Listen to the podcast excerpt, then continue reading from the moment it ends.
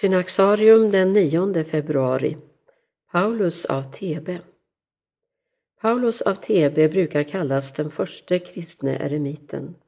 Han kom från Alexandria och hade en äldre bror som hette Petros. När deras far hade dött kom de i konflikt i samband med delningen av arvet. Petros behöll det mesta för sig själv. Du är ännu ung, sa han till sin bror, och jag är rädd att du kommer att förskingra arvet.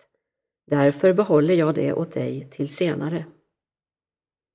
När de var på väg till domstol för att få arvstvisten löst passerade de ett begravningsfölje. Paulus frågade en av de sörjande vem den döde var.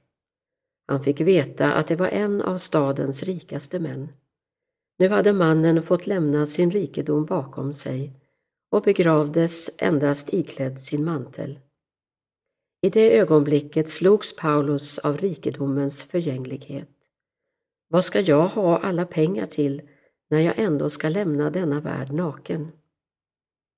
Han vände sig till sin bror och sa Vi går tillbaka, jag vill inte ha något, inte ens den del av arvet som är min.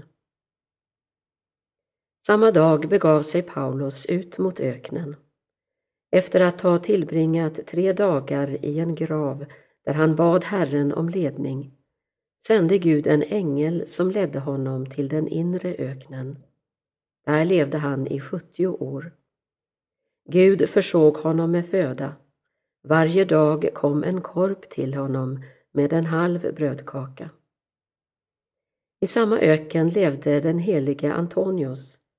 90 år gammal leddes han av Gud att bege sig iväg och leta efter Paulus. Efter två dagar fann han honom och just då kom korpen flygande. Den dagen hade den med sig en hel brödkaka. När de hade ätit av brödet berättade Paulus att han snart skulle dö.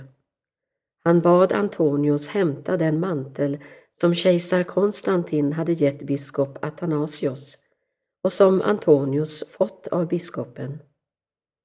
När Antonius hade hämtat manteln fann han Paulus död. Han svepte hans kropp i den, men när han skulle begrava honom insåg han att han inte hade några redskap att gräva en grav med i den steniga öknen. Plötsligt kom två lejon rusande. Antonius blev först förskräckt, men lejonen stannade till framför Paulus kropp och böjde sina huvuden i vördnad. Så började de med sina tassar gräva ut en grop tillräckligt stor för att Antonius skulle kunna begrava Paulus. När Antonius återvände sände han bud till biskop Athanasios om Paulus död. Denne skickade en delegation för att hämta hans kropp. Men trots flera dagars letande kunde de inte finna den.